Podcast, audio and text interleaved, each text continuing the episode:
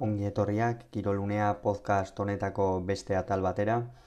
Gaurko honetan soilik futbolaren inguruan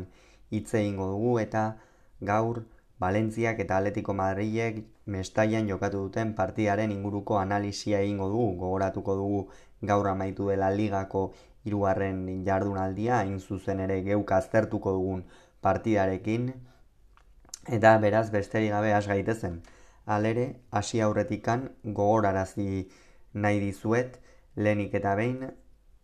jada Alexander Isaken irteera ofiziala egintzela eta gaur bere inguruko azterketa bat egingo dugula tal berezi batean eta lehen biziko aurrelaria ekarri du realak, kasu honetan Alexander Sorloz eta bere inguruko analisia eta realari bere itzulera honetan zer eman diezaioken ere aztertuko dugu bi atal desberdinetan. Beraz horiek ere ez galtzea gomendatzen dizuet. Orain bai, behin hauek esan da, guazen partidaren azterketarekin, baina aurretik gaurko emaitzak ere aipatu behar ditugu, izan ere ez da Valentzia eta Atletico Madrilen arteko partida soilik jokatu gaurko egun honetan, beste hainbat partida ere jokatu dira, esaterako lehen mailan Kadizek huts Atletikek lau, zurigorriek balentria handiko garaipena lortu dute, gaurkoan kadizen, golak asko sartu dituzte, gol asko, eta horrek aletik une honetan selkapenaren gorenean egotera eraman du. Bigarren mailan Granada kiru eta utzi irabazio Bilarre Alberi eta Las Palmasek Andorraren aurka bi eta utz irabazi du. Eta hori esek izan dira gaurko partida aipagarrienak. Orain bai guazen, Valentzia eta Atletico de Madrilen arteko partidaren analisia egitera. Beno, Valentzia eta Atletico de Madrid, Atletico de Madrid eta Valentzia, bi talde nahiko joko estilo berdintxukoak edo elkartu dira gaurko honetan mestaia futbol zelaian, batetik Valentzia alde batetik Genaro Gatusoren Valentzia garaipen beharrean iritsi da mestaiako partidara aurrekoan San Mamesen galdu ostean eta esan beharra dago aldaketa txo batzuk egin dituela. Esaterako Mamadarsbili, bueno, Mamadarsbili mantendu du ATPan, Jesus Vázquezen ordez Toni Lato sartu du atzelari gaztea baina bazkez baino veteranoagoa, Thierry Correia mantendu du, Diakabi eta Komertek jokatu dute atzealdearen erdialdean, gaur ez du Gabriel Paulista sartu, gaur ez du Gabriel Paulista sartu, esan bezala, ondoren zelai erdia mantendu du, Guillamon, Junus eta Carlos Solerrekin, eta goian aldaketa bat egin du. Samuel Lino jokatu du ezkerraletik, Samu Castille jok eskuinaletik eta puntan lengoan min hartu zuen Hugo Duroren ordez Marcos Andre jarri du hau ere goleatzaile hori edakoa, baina gaurkoan ez du zorte handirik izan atearen aurrean. Aletiko de Madrid Bilarrealen aurka galtzedikan zetorren Txolo Simeoneren taldea, beraz hauek ere garaipen beharrean zetozen hor liga asera honetan eta abuztu honetan ongi, ongi amaitzeko. Atletico de Madrid dagokionez, Villarrealen aurkako partidarekin alderatuta aldaketa batzuk egin ditu esaterako olak izan da atepean Saul sartu du ezker egaletik, Llorente eskuin egaletik, lengoan zela erdian ipini zuen. Llorente gaurkoan hiru zentrale jokatu dute, Savic aulkian utzi du eta Reinildo Bitzel eta Jimenez izan dira, apur bat aurreratuago Kondogbia gaurkoan Lemarren ordez, Koke eta Depol izan dira, Depolek Nahuel Molinaren lekuan jokatu du eta goian Joao Felix eta Morata gogoratuko dugu lengoan bilarrealen aurka gutxe eta bigaldu zuela atletiko de Madrilek, eta honen beste txolo Simeone gaur ezin bestean aldaketa asko egin behar izan ditu, ez trampa edo harri berdinean erortzeko gaurko honetan, ezta? Partida hasera apur bat espero genuena edo izan da, ezta? Egia da, Genaro Gatusoren taldeak askotan ez direla proposatzen duten talde horietakoak izan, baina gaurkoan Valentziak proposatu egin du eta asko proposatu du gainera. Lehen nabiziko ia ordu erdian edo oso atzean eduki du Atletico de Madrid, benetan Simeoneren taldeak asera oso oso traketsa egin du, baina atzealdean sendo jardun dira, naiz eta aurrealdean eta baloia mugitzerako garaian distira handirikan ez izan, ez da gaurkoan ere, ba beno, kalitate duen jokalariak edo baloia mugitu ezaketen jokalariak egaletan zeuden, eta behar ba ezin izan dute erdiko joko horretan asko parte hartu, kondobia ere nahiko desagertute ikusi dugu, depolapur bat egal batera botatzen saiatu da Simeone Jorentek egal guztia beretzako izan ez zezan, eta nik uste hori lehen da biziko zatian etzaiola bat ere ongi atera txolo, txolo simeoneri ez da. Ordea, hogeita seigarren minutuan falta bat egonda, hasera batean polemikoa zirudien, baina nik uste interpretatu daiteken falta horietako bat. Beno, bai, jokaldia jarraitu du, epaiak ez baitu ezer adierazi, Junus Musak sekulako gola egin du gol ikeragarria sartu du jokalari estatu batuarrak, baina epaileak balio gabe utzi du gola izan ere falta egon dela adierazi du gaurko epaile zen Cuadra Fernandez balearretako eskolako epaileak falta izan dela adierazi du aurretiko falta eta beraz balio gabe utzi du esan bezala Junus Musak egin duen gol ikeragarria. Ordura arte aletiko lehoiak zoan bezala atzean preso zegoen, ia ideiari gabe, Valentziak zuen une oro baloia, baina ia Valentziak ere ezin zuela arrisku handirigan sortu hor, Samu Castillejo Valentzian arriskua sortu behar duen jokalaria saiatu da tarteka barruraka eginez, baina gaur egia esan ez du bere, bere eguna izan, eta Valentzia esan bezala aukera handirik gabe ibili da. Aldiz, Atletico de Madridek partida askotan eta baloia ez duen partidetan egin duen estrategiarekin ibili da, ezta? Zein da estrategia hori, baloi hori, baloiak luze ipini eta hor Álvaro Morata esate baterako bilatu. Gaurkoan egia esan nahiko parte hartzaile ikusi dugu Álvaro Morata, naiz eta luzimenduz ezten bat ere ongi ibili, apur bat desagertu xeago edo deserosoago ikusi dugu Joao Felix, baina alere eduki ditu bere, bere agerpenak. Baina kontuan kontu hogeita segaren minutura arte nahiko gaizki ibili da Atletico de Madrid eta nik uste gola kentze horrek auspoa eman diola eta susto horrek aurrera pauso bat egitera eraman duela talde koltsoneroa, ez da izan ere alako sustoak alako sustuek askotan joko planteamendu aldatzera eramaten zaituzte eta hori ezinbestekoa izan da gaurkoan Txolo Simeoneren zat, beste partida bat planteatzeko. Nola nahi ere lehen biziko zatia usnak amaitu da, usnako emaitzarekin, eta ondoren bigarren zatian jada Simeonek aldaketa egin du. Saul kendu du eta Janik Karrasko sartu du, egia esan gaur Saulen partida ez zait bat ere gustatu, zait bat ere gustatu iruditu zait utxaren urrengoa ere ez diola eman gaur aletiko Madridi bere jokoan, oso eskas pasetan, defenditzeko garaian ere ez oso ongi, eta horregaitikan justifikatutako aldaketa. Eta ondoren Janik Carrasco sartu da eta beste erritmo bat eman dio taldeari, ez da askoz ere erritmo edo askoz ere pentsamendu erasokorragoa dauka Jani Carrasco horrek koke apur bat barruraka edo eramandu eta Carrascorentzako utzi du azkenean egal osoa eta hori jokalari belgiarrak badaki ongi aprobetsatzen horretan espezialista da etzen lehenengo aldia Simeonek postu honetan jartzen zuena eta horregaitikan Janik Karraskoren sarrera ezinbestekoa izan da Atletico de Madriden joko aldatzeko eta apur bat Valentziako atzelariai ere Valentziako atzelariei ere burua usteak sortzeko gogoratuko dugu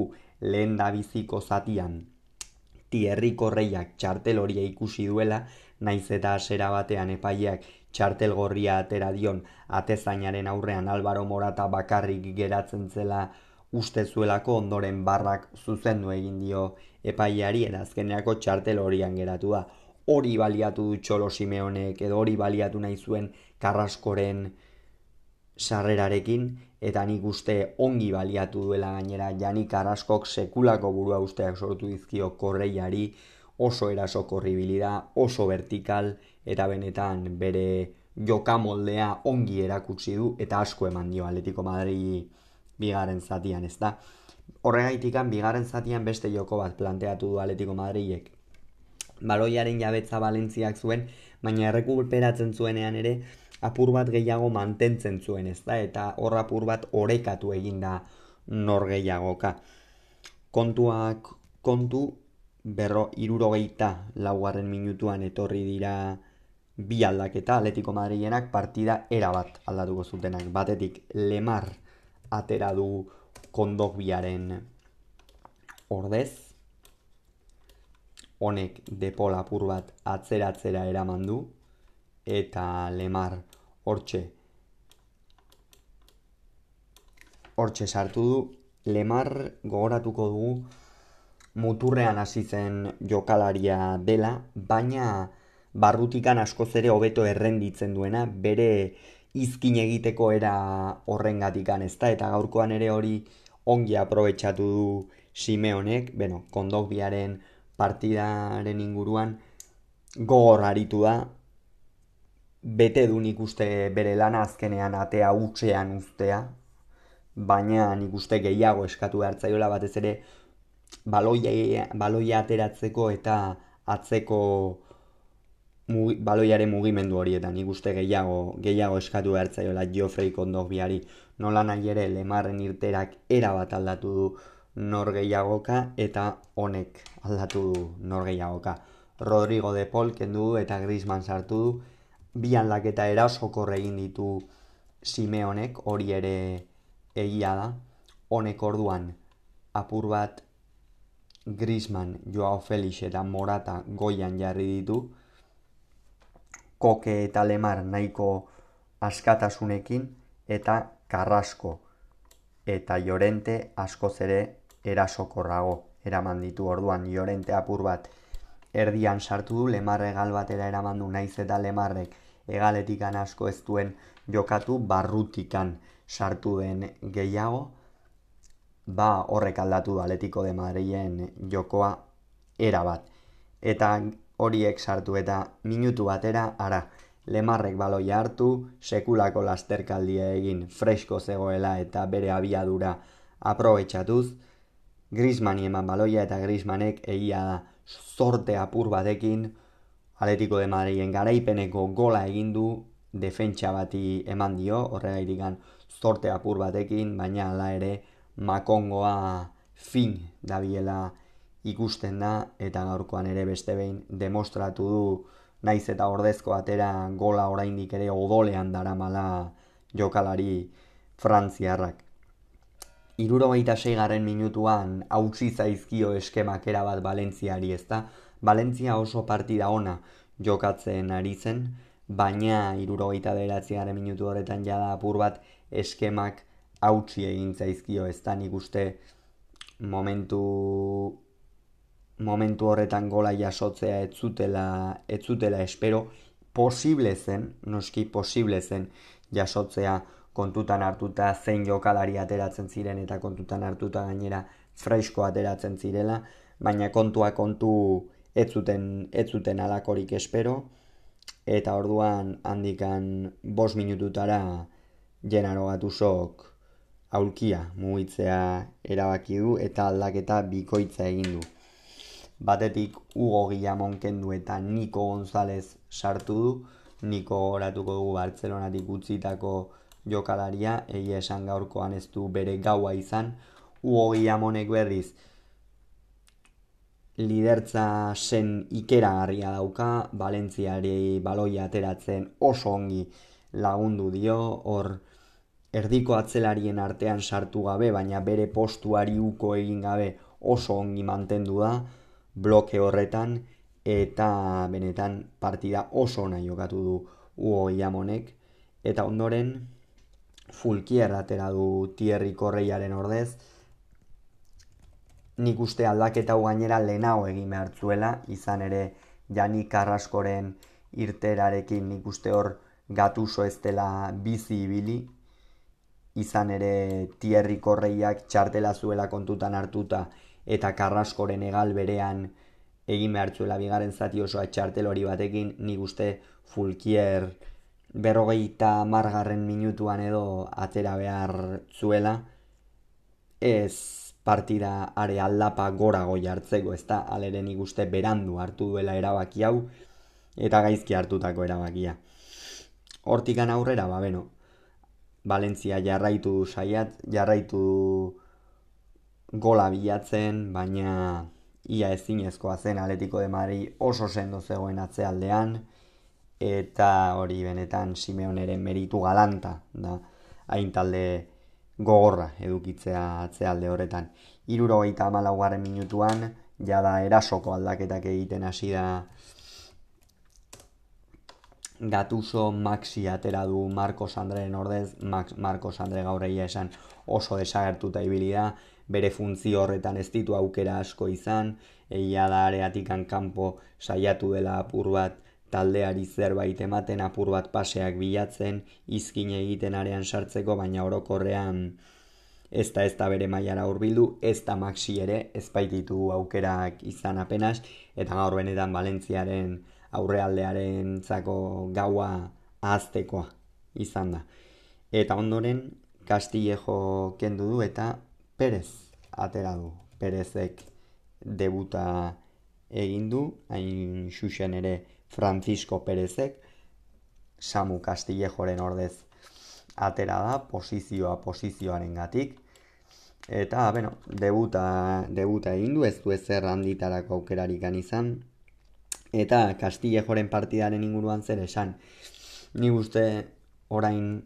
Valentziak kabani fitxatu dela eta kabanirekin batera Valentziaren erasoa ibili behar den edo karga hartu behar duen jokalaria dela Samu Castillejo duen kalitatearen gatik, duen jaurtiketaren gatik, eta batez ere duen esperientziaren gatik. Horregaitikan Valentziaren erasoko nik uste karga berak, berak bere gain hartu behar duela, gaurkoan hartu du, alduena egin du, izkin egiten, baina egia da Atletico de Madrid ere oso ongi itxi dela eta Samu Castillejo hori ez dizkiotela zulo handiak utzi, baina alata guztiz ere nik uste beste partida askotan askoz ere zulo gehiago edukiko dituela eta erne jokalari honekin Valentzian. Horiek izan dira Valentziaren urrengo bi aldaketak esan bezala erasokorrak eta ondoren partidak berdin jarraitu du eta beste debutari bat atera du. Kasu honetan López Diego López atera du kasu honetan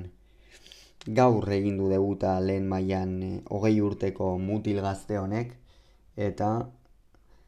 Toni Latoren ordez atera du egia esan Toni Lato gaurkoan nahiko parte hartzaile ikusi dugu gaiaren ordez bera eta eta lengoan bueno, bera, bera izango da, nik uste titularra, bestea Jesus Bazkez da, baina kontua kontu gaia itzultzen denean ikusiko dugu Toni Latok zematerainoko protagonismoa duen, gaur ez du partida amaitu, alata guztizenen ikuste bete duela, bere, bere lana, batez ere joko aldaketetan eta jokoan hasten ongi ibili da, erasoan ere, baina, bueno, ez dio bere, bere partida honak ez dio Valentziari ezerranditarako aukerarik eman. Eta ondoren, partidak berdin-berdin jarraitu du, sistemek ere, eta laro gaita irugarren minutuan Atletico Madrilek azken bi aldaketak egin ditu. Bi aldaketa erasokor, zelebrea bada ere, baina bi puntak kendu ditu eta kuña eta korrea sartu ditu. Kuña eta korrea sartu ditu Simeonek eta benetan eh, arritu naguten bi aldaketa izan dira egia esan. Hala eta guztiz ere, Alvaro Moratak gaur bere funtzioa ongi bete du azkenean Valentziako atzealdearen zat mehatxu konstante bat izan da, oso ongi mugitu da, oso ongi desmarkatu da, baina hori gola falta izan zaio gaurko egun honetan ere aurrelari Madrildarrari, Eta Joao Felixen inguruan zer esan, ba, gaurkoan ere saiatu dela, baina ez du bere, bere eguna izan, nabarmen, golaren aurrean, ez ditu aukera asko izan ere, eta bi hauei egi esan, batez ere Joao Felixi beste zerbait eskatzen zaio Atletico Madriden. Kontua kontu, korrea eta kuña sartu dira, eta nola sartu gainera izan ere Mateus kuñak, bi aukera nahiko garbi izan ditu eta azkenengo minutuetan mamadarsbili izan da Valentziako eroia eta horrela amaitu da partida azkenerako utxeta bat Atletico de Madrilek goiko postuetan jarraituko du hain zuzen ere sei garren da sei punturekin Valentziak berriz hiru punturekin amalaugarren amaituko du. Jardunaldi hau Real Madrid eta Betis dira liderrak, ondoren Bartzelonak eta Atletikek eta Bilarreale jarraitzen diote zazpina punturekin, oraindik esan bezala hau hasi besterik ganezta egin, baina hemen izango ditu analisiak, partida aurrekoak eta bar, kirolunea podcast honetan. Hau izan da beraz partida honen inguruan esateko genuen guztia, alere gogoratu gaurko kirolunea ez dela inondik inora ere amaitu, eta ondoren Isak eta Sorlozen analisiak egingo ditu. Beraz, besterik gabe ongi izan urren arte agur.